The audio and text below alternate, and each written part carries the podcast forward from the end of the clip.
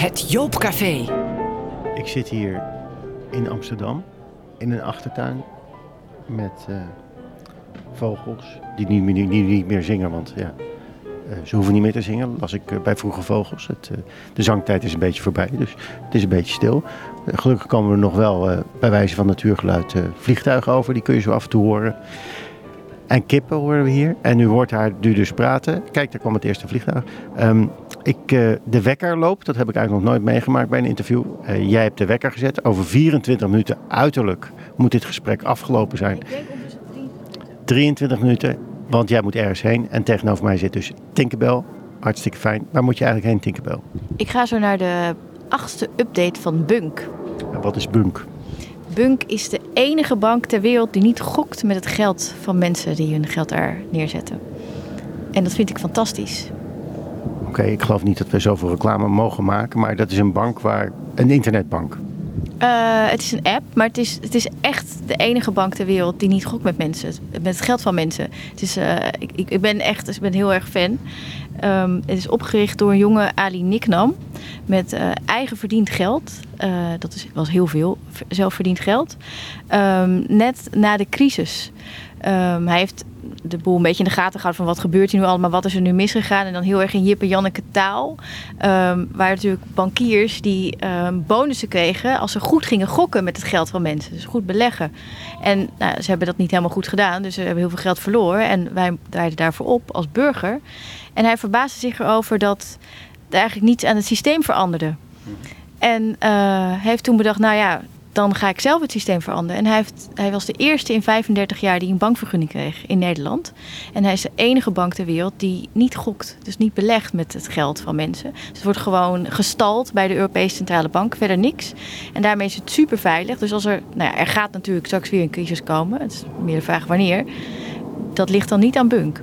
Oké, nou, ehm, voor mij een volledige verrassing deze uitleg.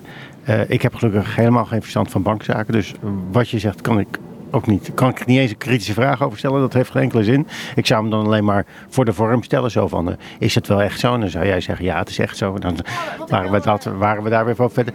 Maar je zo'n boek cadeau? ja, dat is helemaal goed, helemaal goed. Maar eh, deze week, of vorig weekend eigenlijk, in de Volkskrant stond je ook, al, ook alweer met een zakenman. Ik had niet gedacht, eh, volgens mij Tinkerbell gaat in zaken, zou het volgende project kunnen zijn.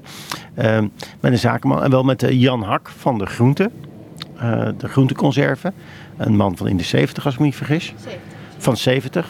En eh, jullie gaan eh, samen de wereld redden. Ja, dat gaan we doen. Leuk hè? Oké, eh, dat kwam er geloof ik op neer. Hij was in Egypte, of hij doet projecten in Egypte.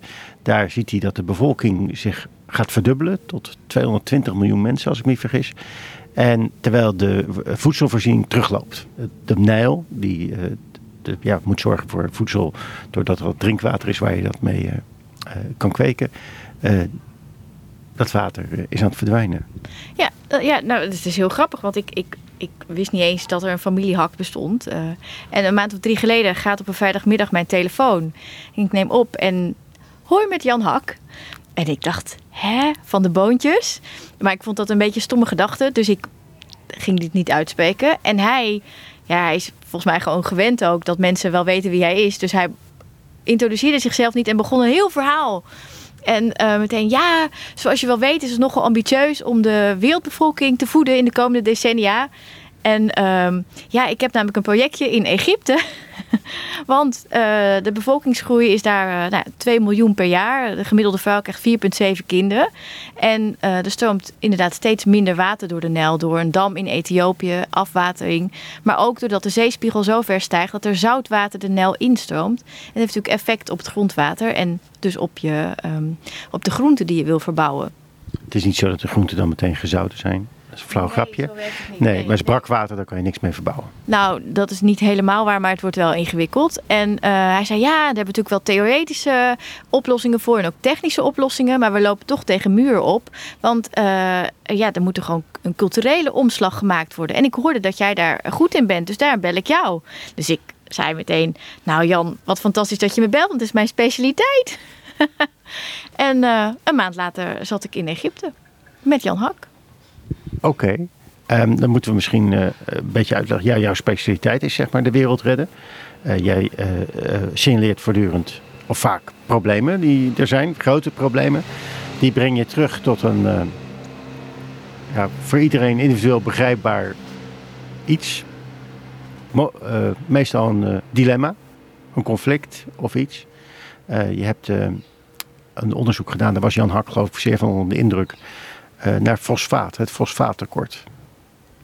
Ja, dat klopt. Ehm, nou, ik, ik zal eerst even uitleggen wat ik, wat ik doe. Heel erg uh, simpel uitgelegd.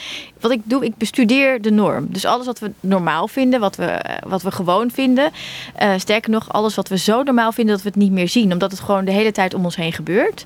Nou, ik ga daar heel goed naar kijken. En ik zoek dan naar errors binnen die norm. Dus dingen die, als je ze zou uitvergroten, dat je daarvan zou denken, nou wat, wat, wat stom eigenlijk dat we dit doen. Wat gek. Nou, ik vergroot die stukjes error inderdaad uit. Of ik plaats ze in een andere context, waardoor ze heel erg zichtbaar worden en waardoor ze heel erg binnenkomen. En waardoor ze ehm, een appel op je handelen gaan doen. Waardoor jij je gedrag gaat veranderen. En dat is heel kort gezegd mijn werk. En ehm, fosfaat. Ehm, eh, ook heel kort uitgelegd, is... Nou ja, op, de, op de kleuterschool leert ieder kind dat om te kunnen leven... heb je water en zuurstof nodig. dat, dat weet iedereen. Wat heel veel mensen niet weten, is dat er nog een, uh, nog een ander component uh, onmisbaar is. En dat is fosfaat. En fosfaat zorgt ervoor dat uh, zuurstof zich kan verplaatsen binnen een lichaam. Dus met andere woorden, zonder fosfaat heb je niet aan zuurstof. Zo belangrijk is het. En dat geldt voor al het leven op aarde. Dus ook voor eencellige, voor, alles. Dus zonder fosfaat kunnen wij niet bestaan, maar kunnen ook geen planten groeien of, of, helemaal niks. En het zit in de bodem. En wat je wel eens hoort, is dat er een, bodem uitgeput raakt. Nou, dat, dat kan dan te maken hebben met een fosfaattekort. En um, Vroeger, tot ongeveer 120, 130 jaar geleden, uh, hadden we een circulaire kringloop. Um, uh, dus wij, wij aten planten of aten dieren die planten hadden gegeten, waar dus fosfaat in zit. En wij poepen en plassen ons eten weer uit. En dat brachten we weer terug naar het land. Zodat dus die grondstoffen, dus dat fosfaat, terug naar het land kwam. Maar wij hebben een heel fijn rioolsysteem uitgevonden. Uh, wat meerdere consequenties had. Eén daarvan is, we werden gezonder en dus ouder. Um, het tweede is dat het fosfaat zo de oceaan inspoelde en dus opraakte. En wij uh, gaan uh, ja, binnen korte termijn te maken krijgen met een, ja, het opwerken van fosfaat. En op dit moment halen we het meestal nog uit een mijn uh, in de Sahara bij Marokko. Uh, maar die mijn die raakt uitgeput. En als die uitgeput is, dan kunnen we nog maar voor maximaal zo 3, 3,5 miljard mensen voedsel produceren op de aarde. Maar tegen die tijd zijn we met ongeveer 11 miljard. Dus nou ja, voel hier het probleem. Dit is het fosfaatprobleem. En um, ja, we hoeven het niet over het fosfaat, maar dit heb je aan, dit heb je, hier heb je uh, de uh, mensen bewust van geprobeerd te maken of gemaakt uh, met een project. En Jan Hak die was daar zeer van onder de indruk en die zag dat probleem ook. Ja, zeker. Iedereen die iets met landbouw doet, die weet dat dit probleem bestaat. En dit, dit is ook echt zo. En ik heb daar vijf jaar geleden een film over gemaakt. Die heet Save Our Children. En de conclusie van die film was dat dit nou, dat het probleem dus echt een heel groot probleem is. En we kunnen het niet oplossen, we kunnen het alleen maar een beetje uitstellen. Uh, en eigenlijk het enige wat het heel erg zou uitstellen is minder mensen. En ik heb me in die film laten steriliseren om de uiterste consequentie te tonen, of eigenlijk ook te aanvaarden van dit probleem. En die heeft ertoe geleid dat wij in Nederland het beleid hebben aangepast en fosfaat uh, moeten herwinnen en hergebruiken. Dat is als gevolg van het project uh, gestart. Rechtstreeks van uh, gevolg. Ja. Dus als jij zegt, ik ben bezig de wereld te verbeteren, dan is dat misschien wel een grappige opmerking, maar het is ook bloedserieus. Ik ben heel serieus, ja, ja, ja. ja. ja als ik zeg dat ik de wereld red, dan denken mensen vaak dat ik een grapje maak. Maar ik maak helemaal geen grapje. Ik ben heel serieus daarin. Okay. Ja. En wat ga je met, uh, kan je daar al iets over zeggen wat je met Jan Hak gaat doen? Nee, want uh, ja, hoe ik werk is dat ik dingen heel erg ga observeren. Dus ik, ik ben nou, ik weet best wel wat van landbouw, en, maar ik ben geen expert. Ik ben geen Jan Hak. En um, op het moment dat je de, de errors in een systeem wil zoeken, dan moet je het systeem heel goed kennen.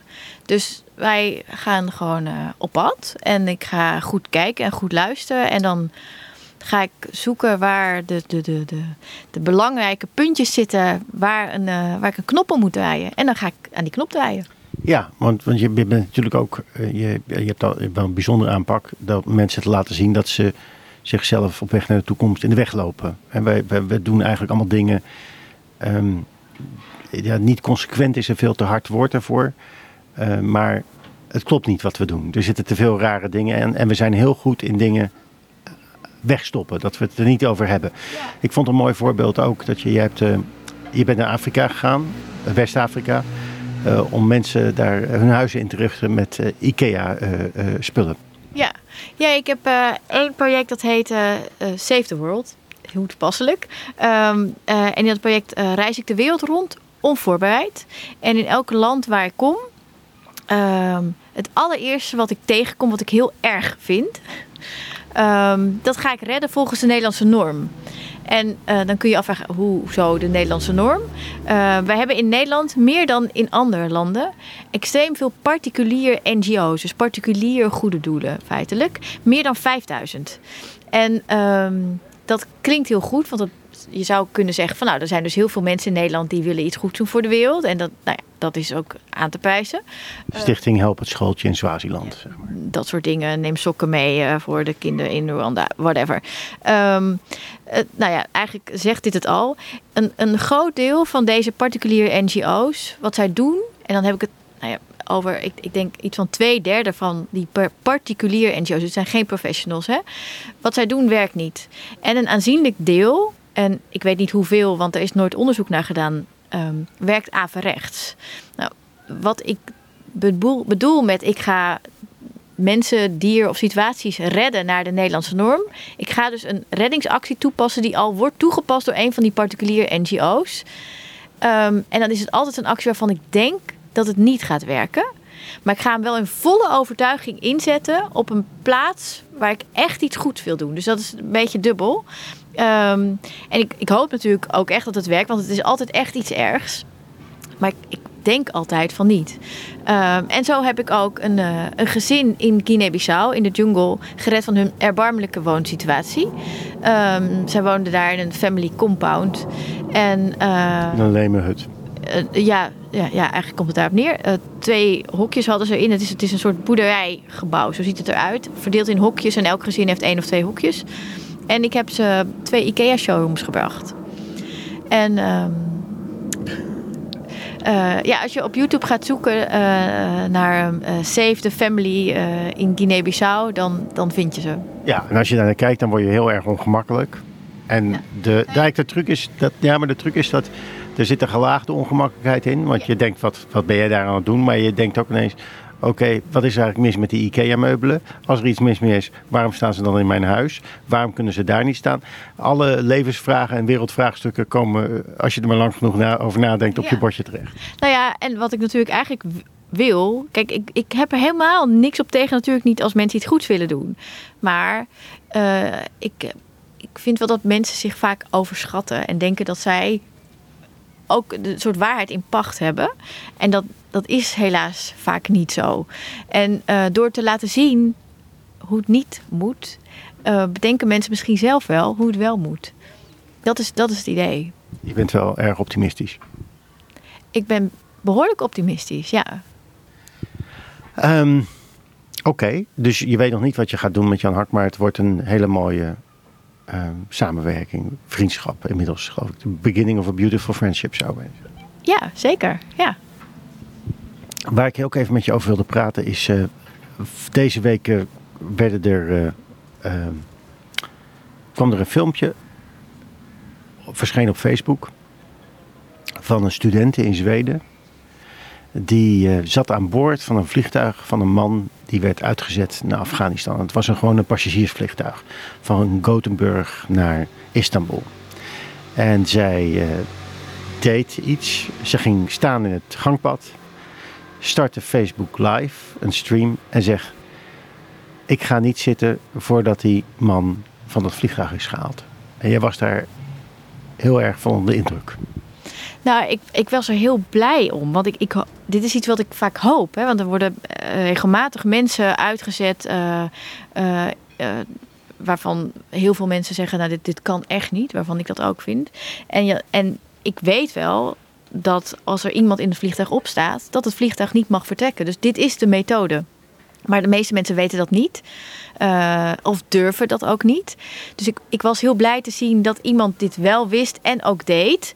En het ook zo prominent op Facebook plaatste en deelde. Want zo leer mensen hoe het dus werkt. Dus wat, wat uh, ik geloof dat er deze week weer een gezin met kleine kinderen na zoveel jaar wordt uitgezet. Nou, ik weet niet waarheen. Um, er hoeft maar één iemand in dat vliegtuig te zitten. Ik geloof dat ze naar Armenië zijn uitgezet. Of wordt, dreigt het te worden uitgezet. Maar die gaan gewoon met een passagiersvliegtuig. Die zitten tussen de vakantiegangers, tussen de zakenmensen. Zit iemand die regelrecht, zoals hij dat noemt, richting de hel gaat. Exact, exact. Er hoeft maar één iemand in dat vliegtuig te zitten en op te staan. En het vliegtuig mag niet vertrekken.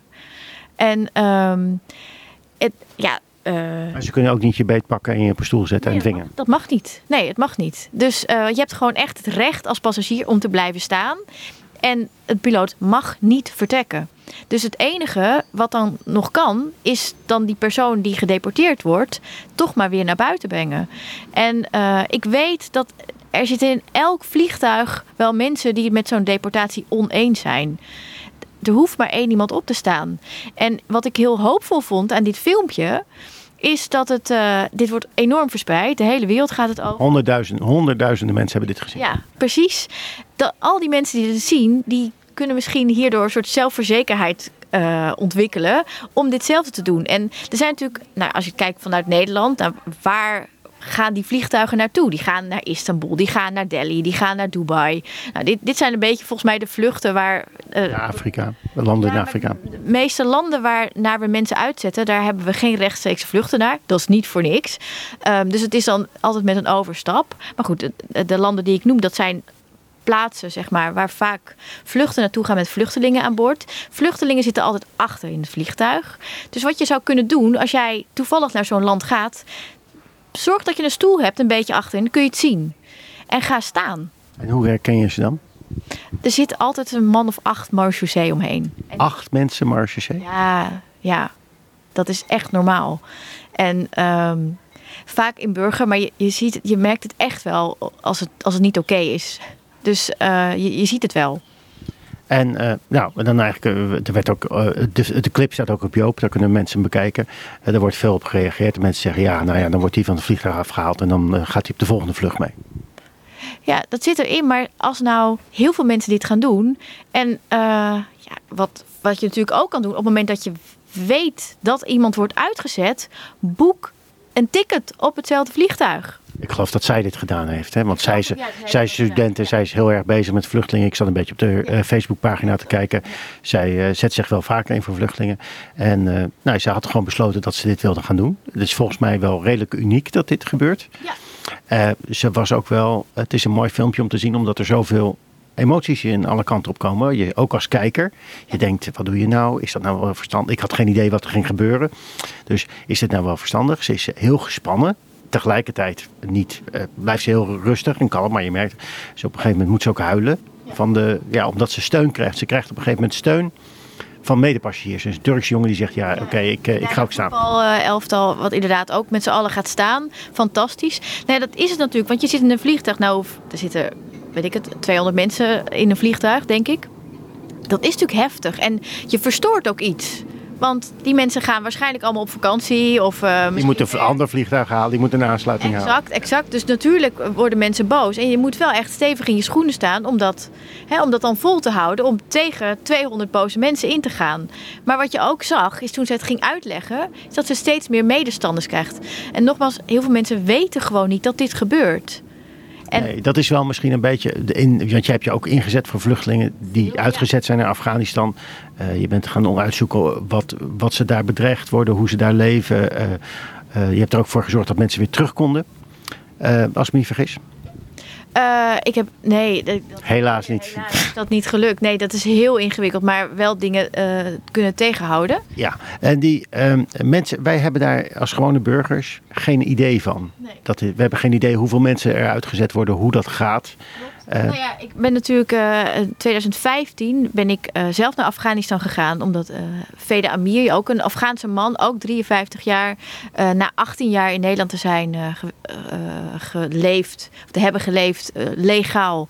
Hij is, is hier met terugwerkende kracht ehm, verdacht van nou, de mogelijkheid betrokken te zijn geweest bij oorlogsmisdaden, is ook uitgezet en ehm, is ernstig mishandeld onderweg door de Nederlandse marechaussee. Ze hebben zijn knie gebroken, ze hebben hem eh, een, een, soort masker omgedaan uh, en hij heeft echt um, ja, moeten liggen op de knieën van de medewerkers van de marechaussee. En zo is hij meegenomen. Is ernstig getraumatiseerd in uh, Afghanistan aangekomen en daar in een ziekenhuis beland. Nou, ik heb hem daar uh, samen met zijn dochter gevonden en in veiligheid gebracht in India. Uh, en ik, ik heb nog steeds veel contact met hem en de familie. Uh, en ik ben ook achtergekomen dat hij echt onschuldig is. Dus ik ben daar nog steeds mee bezig. Um, Jawel voor de wind van de ChristenUnie zet zich daar ook nog steeds voor in. Voor hem. En er zijn zo'n 800 andere mensen die ook onschuldig zijn. En nog steeds worden verdacht van dezezelfde misdaden die ze niet hebben gepleegd. Uh, dat is heel erg. Dat is echt heel erg. En op het moment dat jij dan als individu toevallig in zo'n vliegtuig zit en op kan staan. En als dat vaker gebeurt, ja, dan, dan, dan moet een systeem aangepast worden. Want dan werkt een systeem niet meer. Ja, maar zou je kunnen zeggen, is, misschien krijg je wel iets ergens voor in de plaats. Dat ze het alleen nog maar met militaire vliegtuigen mensen uitzetten. En dan zie je helemaal niet meer wat er gebeurt. Nou, ik weet het niet. Wat, ja, dat weten we niet. Nee, dat weten we niet. Nee, maar dus ik zeg, be careful what you wish for. Ja. Um, dat, dat, ik bedoel, het is goed aan die video. Daarom kan ik ook iedereen aanraden om hem te bekijken. Um, het is heel confronterend. Uh, je vraagt je af wat jij zou doen als je er zou zitten aan boord van de vliegtuig. Wat zou ik doen? Ja, ik weet dus dat bij Veda Amir zijn er ook mensen opgestaan. Um, en dat zijn uh, mensen die uh, uiteindelijk niet meer durfden. Maar die hebben, ze hebben het ook gefilmd. Uh, en zij zijn ernstig bedreigd door medewerkers van de Marechaussee met sancties. En uh, dus ik, ik heb wel contact met deze mensen gehad. En zij durven niet naar buiten komen omdat ze zo bang zijn gemaakt. Denk je dat het veel verschil heeft gemaakt dat zij een livestream had op Facebook? Alle verschil. Ja. Alle verschil. Want dan, dan, ja, dan, dan is het al out there. Ja, want er is wel een, op een gegeven moment een Britse medepassagier die probeert haar telefoon af te pakken. Ja. Dat lukt ook, maar die krijgt ze weer terug van de steward. Ja, ja, ja held nummer twee uh, is de steward, ja. En het is natuurlijk heel ingewikkeld ook voor personeel op zo'n vliegtuig. Hè? Want zij moeten ook maar gewoon hun werk doen. En er is gewoon een, hè, in Nederland is dan uh, KLM die vliegt met die vluchtelingen, die worden uitgezet. Ja, wat weet je nu als steward of stewardess of als, als, als piloot? Je weet dat niet. Terwijl je wel de macht hebt. Om... Het gaat vaak gepaard, het gaat nog wel eens gepaard met afgrijzelijke toestanden. Want mensen willen niet uitgezet worden. Ja, het is, het is echt, echt afschuwelijk. Oké. Okay. Um, dat meisje, of die vrouw moet ik zeggen, die jonge vrouw, die lijkt toch goed te weten wat ze wel. De wekker gaat af. Wat ze wel en uh, niet mocht doen. Zij zegt: Ik heb geen misdrijf begaan. Dus mij kan niks gemaakt worden. Denk je dat het goed met haar gaat? Ik uh, denk dat het goed met haar gaat. Ja, ik hoop dat het goed met haar gaat. Ik, ik denk dat ze heel veel aandacht krijgt nu. Ik heb haar zelf ook een bericht gestuurd, maar ik kwam er ook niet doorheen. Dat, nou ja, dat is goed. Um, ik, nou, nogmaals, ik hoop dat het goed met haar gaat. Oké, okay, nou we zullen mee gaan. Of misschien wordt dit wel het jaar van de passagiers die gaan opstaan in toestellen waar mensen mee gedeporteerd worden. Let's hope so. Dankjewel Tinkerbell voor dit gesprek. Dank u wel voor het luisteren naar Joop Café. Volgende week zijn we weer met een andere gast, andere onderwerpen. Dag.